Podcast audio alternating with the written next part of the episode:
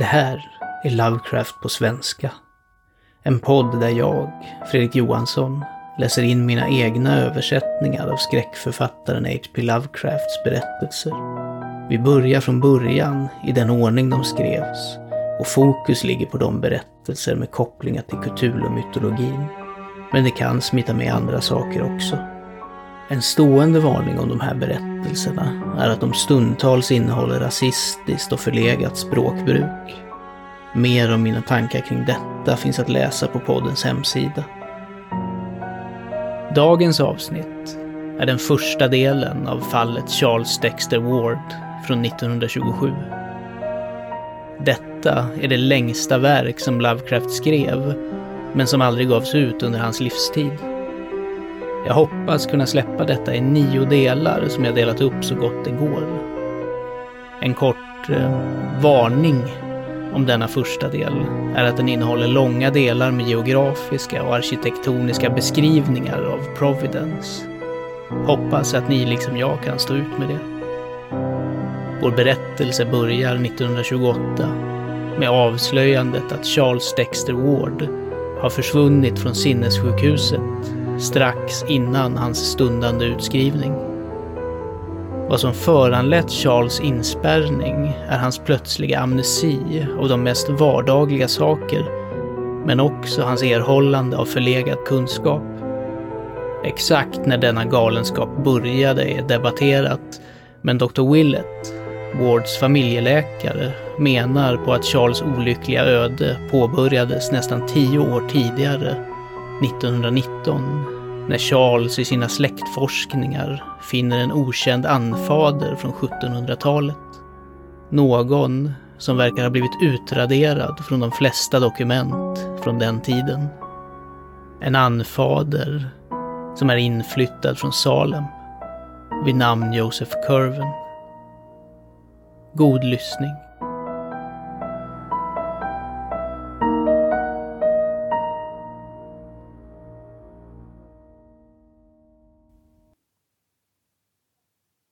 Fallet Charles Dexter Ward.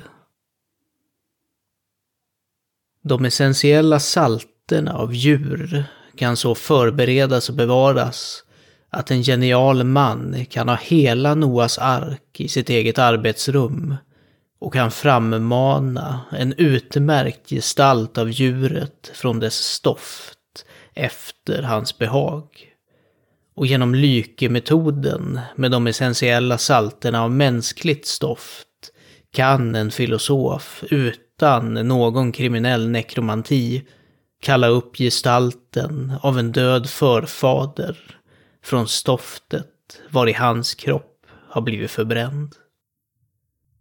Borelus Kapitel 1 Ett resultat och en prolog 1. Från ett privat sjukhus för de sinnessjuka nära Providence, Rhode Island skedde nyligen ett försvinnande av en synnerligen egendomlig person. Han bar namnet Charles Dexter Ward och var placerad under sluten vård högst motvilligt av sin sörjande far som hade sett hans villfarelse växa från en enkel excentricitet till en mörk mani som involverade både en möjlighet av mordiska tendenser och en djupgående och märklig förändring i de synbara innehållen i hans sinne. Doktorer erkände sig själva som ganska förbryllade av hans fall, eftersom det uppvisade underligheter av allmän fysiologisk såväl som psykologisk karaktär. För det första Patienten verkade märkligt äldre än hans 26 år skulle berättiga. Mentala störningar, det är sant, åldrar en hastigt. Men ansiktet hos denna unge man hade antagit en subtil form, vilket endast de mycket åldrade normalt erhåller. För det andra visade hans organiska processer vissa besynliga proportioner, vilket ingen medicinsk erfarenhet kunde jämföra.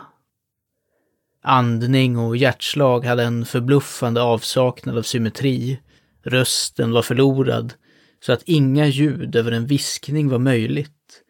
Matsmältningen var otroligt utdragen och minimerad och neurala reaktioner på standardstimuli bar inget som helst samband till någonting som tidigare registrerats, varken normalt eller patologiskt. Huden hade en morbid kyla och torrhet och vävnadens cellstruktur verkade överdrivet grov och löst sammansatt. Till och med ett stort olivfärgat födelsemärke på den högra höften hade försvunnit, medan det på bröstet hade formats en mycket märklig leverfläck, eller svartaktigt märke av vilket det inte hade funnits några spår tidigare. Överlag var alla läkare överens om att i Ward hade metabolismens process retarderat till en grad utöver något precedensfall. Även psykologiskt var Charles Ward unik. Hans galenskap hade ingen samhörighet till någon sort som nedtecknas ens i de senaste och mest uttömmande avhandlingar och var förenad med en mental kraft, vilken skulle ha gjort honom till ett geni eller ledare om den inte hade varit förvriden i konstiga och groteska former. Dr. Willett, som var Wards familjeläkare, bekräftar att patientens stora mentala kapacitet, mätt utifrån hans svar om saker utanför hans vansinnessfär, faktiskt hade ökat sedan anfallet. Ward, det är sant, var alltid en lärd man och en antikvarie men även hans mest briljanta tidiga arbete visade inte den storslagna förståelse och insikt som uppvisades under hans senaste undersökningar av psykologerna. Det var sannerligen en svår sak att erhålla en laglig tvångsintagning till sjukhuset. Så kraftfull och livlig hade ungdomens sinne verkat. Och endast utifrån bevis från andra och på grund av styrka luckan i de många abnormala luckorna i hans lager av information som utmärktes av hans intelligens, blev han slutligen inspärrad. Tills det ögonblick han försvann var han en allätande läsare och en så stor konversatör som hans stackars röst tillät. Och vissa observatörer, som misslyckades med att förutse hans flykt, förutspådde fritt att han inte skulle vänta länge med att erhålla sin utskrivning från vårdnaden. Endast Dr. Willett, som hade fört Charles Ward in i världen och hade sett hans kropp och sinne växa ända sedan dess, verkade skrämd över tanken på hans framtida frihet. Han hade haft en fruktansvärd upplevelse och hade gjort en fruktansvärd upptäckt, vilken han inte vågade avslöja för sina skeptiska kollegor. Willett själv utgjorde ett mindre mysterium i sin koppling till fallet. Han var den sista att träffa patienten innan hans flykt och kom ut från den där sista konversationen i ett tillstånd av blandad fasa och lättnad, vilket flera erinrade sig när Wards flykt blev känd tre timmar senare. Den flykten i sig är ett av de olösta underverken på Dr. Waits sjukhus. Ett fönster öppet över ett tvärtfall på 60 fot kunde knappast förklara det. Ändå hade ungdomen efter samtalet med Willet oförnekligen försvunnit. Willet själv hade ingen förklaring att erbjuda allmänheten, fast han verkar märkligt lättare till sinnet än innan flykten. Många kände i själva verket att han hade velat säga mer om han hade trott att ett betydande antal skulle tro honom. Han hade funnit Ward i sitt rum, men kort efter att han gått knackade skötarna på förgäves. När de öppnade dörren var patienten inte där och allt de fann var det öppna fönstret där en kall aprilbris blåste i ett moln av fint blågrått damm som nästan fick dem att tappa andan. Sant, hundarna ylade strax innan, men det var under tiden som Willet fortfarande var närvarande. Och de fångade ingenting och visade sig inte oroliga senare. Wards far underrättades omedelbart över telefon, men han verkade mer sorgsen än överraskad. När Dr. Waite besökte honom personligen hade Dr. Willett redan talat med honom och båda förnekade någon som helst kännedom eller delaktighet i flykten. Endast från vissa närstående förtroliga vänner till Willett och den äldre Ward har några ledtrådar samlats. Och även dessa är för vilt fantastiska för generell trovärdighet. Det enda faktum som kvarstår är att fram till nu har inget spår av den försvunne galningen grävts fram. Charles Ward var en antikvarie från spädbarnsåldern och erhöll utan tvekan sin smak från den ärevördiga staden runt omkring honom och från relikerna av det förflutna, vilka fyllde varje hörn av hans föräldrars gamla herrgård på Prospect Street på Kullens krön. Med åren ökade hans hängivenhet för forntida ting, så att historia, genealogi och studier av kolonial arkitektur, möbler och hantverk slutligen höjde sig över allt annat i hans intressesfär. Dessa intressen är viktiga att minnas i betraktande av hans galenskap, för även om de inte formar dess absoluta kärna, så spelar de en framträdande roll i dess ytliga form. De luckor av information som psykologerna noterat var alla relaterade till moderna angelägenheter och var undantagslöst kompenserade av en motsvarande överdriven men utåt sett dold kunskap om svunna saker som framkommit genom skicklig utfrågning. Så att man kunde ha föreställt sig att patienten bokstavligen hade överförts från en tidigare ålder genom någon obskyr slags självhypnos.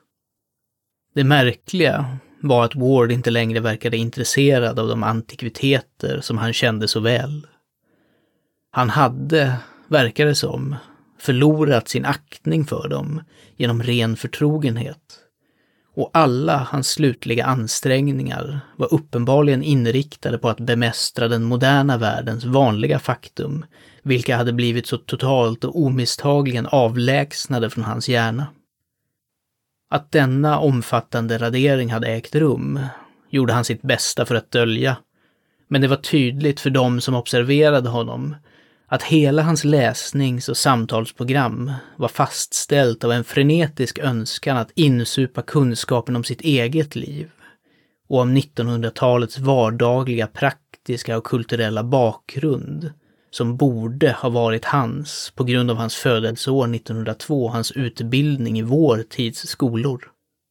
Psykologer undrade nu hur den förrymda patienten med tanke på hans vitalt försämrade faktautbud, klarar av att hantera dagens komplicerade värld. Den dominerande åsikten är att han ligger lågt på någon anspråkslös och ostörd plats tills hans lager av modern information har ansamlats till det normala. Början av Wards galenskap är en fråga som det tvistas om bland psykologerna. Dr. Lyman, den eminenta Boston-auktoriteten, placerade den under 1919 eller 1920, under pojkens sista år på Moses Brown School, när han plötsligt vände sig från studierna av det förflutna till studier av det okulta och vägrade att kvalificera sig för college med motiveringen att han hade egna efterforskningar av mycket större vikt att utföra. Detta bekräftas säkerligen av Wards ändrade vanor vid tillfället. Speciellt av hans ständiga genomsökning av stadsarkivet och bland gamla begravningsplatser efter en särskild grav som grävts 1771. Graven av en förfader vid namn Joseph Curven, av vars papper han påstår sig ha hittat bakom panelen i ett mycket gammalt hus vid Olney Court på Stampers Hill som det var känt att Kerwin hade byggt och bebott. Det är i stort sett oförnekligt att under vintern 1919 20 skedde en stor förändring hos Ward, varigenom han plötsligt upphörde med sina allmänna antikvariska sysslor och gav sig i kast med en desperat djupdykning i okulta ämnen både hemma och utomlands. Omväxlande endast av hans märkligt ihärdiga sökande efter sin förfaders grav. Dr. Willett däremot reserverar sig kraftigt mot denna åsikt och baserar sitt utlåtande på sin nära och kontinuerliga kunskap om patienten och på vissa skrämmande undersökningar och upptäckter han gjorde mot slutet. De undersökningarna och upptäckterna har satt sina spår i honom, så att hans röst darrar när han berättar om dem och hans hand darrar när han försöker att skriva ner dem. Willett medger att förändringen 1919 till 20 normalt skulle uppfattas som en markör för början av progressiv dekadans, vilken kulminerade i den hemska och kusliga alieneringen 1928. Men tror från personliga observationer att en tydligare distinktion måste göras.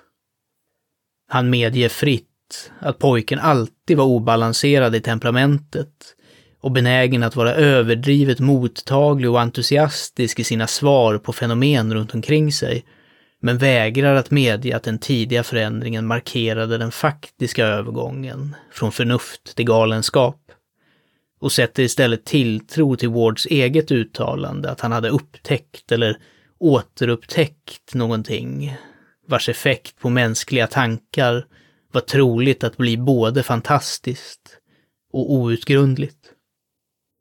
Den sanna galenskapen, är han säker på, kom med en senare förändring.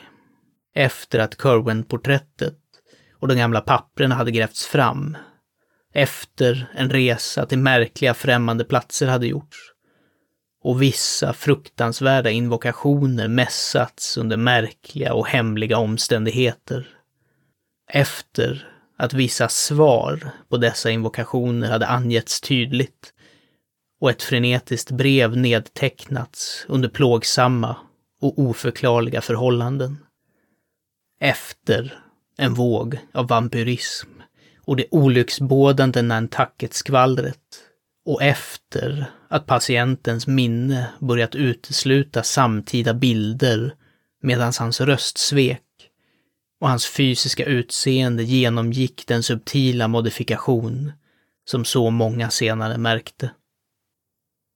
Det var först vid den här tiden, påpekar Willett med skarp tydlighet, som mardrömsegenskaperna blev otvivelaktigt länkade till Ward och läkarna känner sig rysande säkra att tillräckligt med solida bevis existerar som stödjer ungdomens påstående om hans avgörande upptäckt. För det första såg två arbetare med hög intelligens Joseph Curvens gamla papper hittas. För det andra visade pojken en gång Dr. Willett de papprena och en sida i Curven-dagboken. Och varje dokument verkade vara helt genuint. Hålet där Ward påstod sig ha hittat dem var länge en synlig verklighet och Willett fick en mycket övertygande sista glimt av dem i omgivningar som knappt kan tros och kanske aldrig kan bevisas. Och sedan var det mysterierna och sammanträffanden med Orn och Hutchinson-breven och problemet med Curvens handstil och om vad detektiverna förde fram i ljuset om Dr. Allen. Dessa saker och det fruktansvärda meddelandet på medeltida minuskler funnet i Willets ficka när han återfick medvetandet efter sin chockerande upplevelse. Och det mest avgörande av allt är de två ohyggliga resultat vilka doktorn erhöll från ett visst par av formler under sina slutgiltiga undersökningar. Resultat som praktiskt taget bevisade dokumentens autenticitet och deras monstruösa implikationer, samtidigt som de papprena för evigt fördes bort från mänsklig kännedom. 2. Man måste se tillbaka på Charles Wards tidigare liv som något som hörde lika mycket till det förflutna som antikviteterna han älskade så starkt. Hösten 1918, med en ansenlig uppvisning av iver för den militära utbildningen under perioden, hade han påbörjat sitt första år på Moses Brown School, vilken låg mycket nära hans hem. Den gamla huvudbyggnaden, uppförd 1819, hade alltid hänfört hans ungdomliga antikvariska sinne och den rymliga parken i vilken akademin är placerad tilltalade hans skarpa öga för landskap. Hans sociala aktiviteter var få och hans tid spenderades huvudsakligen hemma, på strövande promenader, på sina lektioner och exerciser och i jakten på antikvarisk och genealogisk data i stadshuset, kommunhuset, det allmänna biblioteket, Ateneumet, det historiska sällskapet, John Carter Brown och John Hayes-biblioteken vid Brown University och det nyligen öppnade Shipley-biblioteket på Benefit Street. Man kan föreställa sig honom ännu som han var på den tiden. Lång, smal och blond med flitiga ögon och en lätt framåtlutning, klädd något slarvigt och givande ett dominerande intryck av ofarlig tafatthet snarare än attraktivitet. Hans vandringar var alltid äventyr av antikvitet, under vilka han lyckades återuppliva från de otaliga relikerna av en glamorös gammal stad en levande och sammanhängande bild av århundradena innan. Hans hem var en stor georgisk herrgård på toppen av den nästan farligt branta kullen som reser sig strax öster om floden. Och från de bakre fönstren på dess vingar kunde han yrt se ut över klungorna av spiror, kupoler, tak och skyskrapstopparna i den nedre staden till de lilla kullarna i landsbygden bortom. Här föddes han och från den vackra klassiska verandan framför tegelfasaden med dubbla flyglar hade hans amma först rullat ut honom i vagnen. Förbi den lilla vita bondgården från 200 år innan, som staden för länge sedan hade tagit över. Och vidare mot de statliga colleges längs den skuggiga överdådiga gatan vars gamla fyrkantiga tegelherrgårdar och mindre trähus med smala, pelarförsedda doriska verandor drömde solitt och exklusivt bland sina generösa gårdar och trädgårdar. Han hade också blivit rullad längs med sömniga Congdon Street, ett steg längre ner på den branta kullen, med alla dess östliga hem på höga terrasser. De små trähusen hade i genomsnitt en högre ålder här, för det var uppför denna kulle som den växande staden hade klättrat. Och på dessa turer hade han insupit något av färgen från en pittoresk kolonialby. Amman brukade stanna och sätta sig på bänkarna på Prospect Terrace för att samtala med polismän. Och ett av barnets första minnen var av det stora västliga havet av disiga tak och kupoler och kyrktorn och avlägsna kullar som han såg en vintereftermiddag från den stora banvallen. Helt violett och mystisk mot en febrig apokalyptisk solnedgång av röda och gyllene och lila och märkligt gröna färger. Den väldiga marmorkupolen på State House stack ut med en massiv siluett. Den krönande statyn given en fantastisk gloria av ett avbrott i ett av de tonande stratusmolnen som spärrade av den flammande himlen. När han blev större började hans berömda promenader. Först med sin otåliga amma i släptåg och sedan ensam i drömmande meditation Längre och längre ner på den nästan vinkelräta kullen vågade han sig och nådde varje gång äldre och mer pittoreska nivåer i den gamla staden. Han tvekade försiktigt nerför vertikala Jenkes Street med dess lutande väggar och koloniala gavlar mot det skuggiga Benefit Street-hörnet, där det framför honom fanns en antikvitet i trä med ett par joniska pilastrerade dörröppningar och bredvid honom ett förhistoriskt mansardtak med lite av den ursprungliga gården kvar. Och den framstående domaren Durfys hus med sina nedfallna rester av georgisk storhet. Det började bli en slum här, men titanalmarna kastade en återställande skugga över platsen. Och pojken brukade promenera söderut, förbi de långa raderna av de förrevolutionära hemmen med sina stora centrala skorstenar och klassiska portvalv. På den östra sidan var de högt placerade över källare med dubbla räckförsedda stentrappor. Och den unge Charles kunde föreställa sig dem som de var när gatan var ny. Och röda klackar och pudrade peruker gav sig iväg över den målade pedimenten vars tecken på slitage nu hade börjat bli så synligt. Västerut stupade kullen nästan lika brant som ovan, ner till den gamla Town Street, som grundarna hade anlagt vid flodkanten 1636. Här löpte otaliga små gränder med lutande, ihopträngda hus av ofantlig ålder. Och hur fascinerad han än var, dröjde det länge innan han vågade beträda deras arkaiska vertikalitet av rädsla för att det skulle visa sig vara en dröm eller en port till okända fasor. Han fann det mycket mindre formidabelt att fortsätta längs Benefit Street, förbi järnstaketet på St. Johns gömda kyrkogård och baksidan av kolonihuset från 1761 och den vittrande gestalten av The Golden Ball Inn, där Washington hade stannat.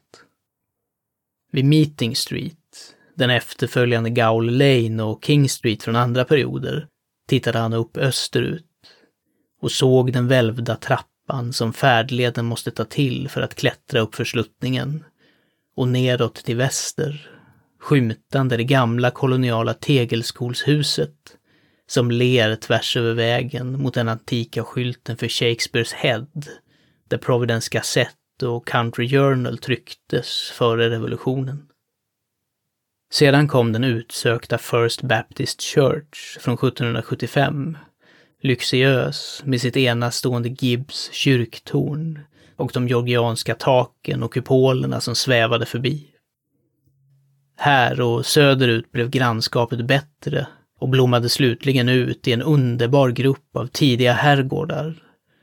Men fortfarande ledde de små uråldriga gränderna iväg nedför stupet i väst spektrala i sin månggavlade arkaism och sänktes ner i ett upplopp av skimrande förfall där det elaka gamla hamnområdet mindes sina stolta ostindiska dagar mitt bland mångfaldade synder och elände, ruttnande kajer och tröttögda skeppshandlar med sådana överlevande grändenamn som Packet, Bullion, Gold, Silver, Coin, dubloon, Sovereign, Gilder, dollar, dime och cent. Ibland, när han växte sig längre och mer äventyrlig, vågade den unge Ward sig ner, in i denna malström av vacklande hus, trasiga fönster, rullande trappor, vridna balustrader, svartmuskiga ansikten och namnlösa odörer. Slingrande sig från South Main till South Water sökte igenom hamnen där viken och trygga ångbåtar fortfarande rördes och återvände norrut på denna lägre nivå, förbi magasinen med branta tak från 1816 och det breda torget vid Great Bridge, där 1773 års marknadshus fortfarande står stadigt på sina gamla valv. På det torget stannade han för att dricka bland den gamla stadens förbryllande skönhet när den reser sig på sin östliga klippa, prydd med sina två georgiska spiror och krönt av den stora nya Christian Science-kupolen, så som London kröns av St. Pauls. Han tyckte mest om att nå den här platsen på den sena eftermiddagen, när det vinklade solljuset rör marknadshuset och den gamla kullens tak och klockstaplar med guld och kastar magi runt de drömmande kajerna där Providences ostindiefarare brukade ligga för ankar. Efter en lång blick blev han nästan yr med en poets kärlek för synen. Och sedan besteg han sluttningen hemåt i skymningen, förbi den gamla vita kyrkan och upp för de smala branta vägarna, där gula glimtar började titta fram ur småglasade fönster och genom lunetter högt över dubbla trappor med märkligt smidda järnräcken. Vid andra tillfällen och under senare år sökte han efter livliga kontraster och kunde spendera en halv promenad i de sönderfallande koloniala regionerna nordväst om sitt hem, där kullen faller till det mindre ansedda Stampers Hill med dess getto och negerkvarter som samlas i klungor runt den plats där Boston-diligensen brukade starta före revolutionen och den andra halvan i det graciösa sydliga riket runt George, Benevolent, Power, William Street där den gamla sluttningen oförändrat håller kvar de fina ägorna och bitar av muromgärdade trädgårdar och branta gröna gränder i vilka så många doftande minnen dröjer sig kvar. Dessa strövtåg, tillsammans med de flitliga studier som åtföljde dem, står förvisso för en stor del av den antikvariska lärdom som till slut trängde undan den moderna världen från Charles Wards sinne och illustrerar den mentala jord på vilken det föll under den där ödesdigra vintern 1919 och 1920. De frön som kom att växa till sådan märklig och hemsk frukt. Dr. Willett är säker på att fram till denna illavarslande vinterns första förändring var Charles Wards antikvariska intresse fritt från varje spår av det morbida. Kyrkogårdar höll för honom ingen speciell attraktion utöver deras pittoreska och historiska värde. Och någonting som liknar våld eller vild instinkt saknade han helt. Då, i lömska grader, verkade det utvecklas en märklig uppföljning till en av hans genealogiska triumfer året innan, när han bland sina förfäder på mödrasidan hade upptäckt en viss, mycket långlivad man vid namn Joseph Curven, som hade kommit från Salem i mars 1692 och om vilken en viskande rad av högst märkliga och oroande berättelser samlades. Wards gammel gammelmorfar Welcome Potter hade 1785 gift sig med en viss Anne Tillinghast, dotter till Mrs Eliza, dotter till Kapten James Tillinghast, vars faderskap familjen inte hade bevarat några spår av. Sent 1918, då han undersökte en volym av originella statsdokument i manuskript, stötte den unge genealogen på ett inlägg som beskrev ett juridiskt namnbyte, där 1772 en Mrs Eliza Curven, änka efter Joseph Curven, återtar tillsammans med sin sjuåriga dotter Anne hennes flicknamn Tillinghast på grunden av att hennes mans namn hade blivit en allmän skamfläck av skäl som blev kända efter hans död. Det som bekräftar ett allmänt gammalt rykte, men som inte tillerkännes som en lojal hustru förrän det bevisats helt utan tvivel. Det här inlägget uppdagades vid en oavsiktlig separering av två blad som noggrant hade klistrats ihop och hanterats som en genom en mödosam revidering av sidonumren. Det stod genast klart för Charles Ward att han verkligen hade upptäckt en hittills okänd gammel, gammel, gammelmorfar. Upptäckten gjorde honom dubbelt upphetsad eftersom han redan hade hört vaga rapporter och sett spridda anspelningar om denna person, om vilken det fanns få offentliga tillgängliga dokument kvar. Förutom de som blivit offentliga först i modern tid, så att det nästan verkade som om en konspiration hade existerat för att utplåna ihågkomsten av honom. Dessutom var det som framträdde av en sån egendomlig och provokativ karaktär att man inte kunde undgå att märkligt föreställa sig vad det var som de koloniala protokollförarna var så angelägna om att hemlighålla och glömma eller att misstänka att borttagandet hade alltför giltiga skäl. Innan detta hade Ward nöjt sig med att låta sitt romantiserande om gamla Joseph Curven förbli i det vilande stadiet. Men efter att ha upptäckt sitt eget släktskap till denna synbarligen nedtystade karaktär fortsatte han att så systematiskt som möjligt spåra fram vad han nu kunde finna som berörde honom. I detta förväntansfulla sökande lyckades han till slut över sina egna högsta förväntningar. För gamla brev, dagböcker och buntar av opublicerade memoarer i spindelnätstäckta vindsrum i Providence och på andra platser gav många upplysande passager som deras författare inte hade ansett vara värda mödan att förstöra. En viktig upplysning kom från en plats så avlägsen som New York, där en del kolonialkorrespondens från Rhode Island förvarades i museet på Francis Tavern. Det verkligt avgörande dock, och det som enligt Dr. Willets åsikt utgjorde den definitiva källan till Wards undergång, var saken som hittades i augusti 1919 bakom panelen på det sönderfallande huset vid Olney Court. Det var det som utan tvekan öppnade upp de svarta vyerna vars slut var djupare än avgrunden.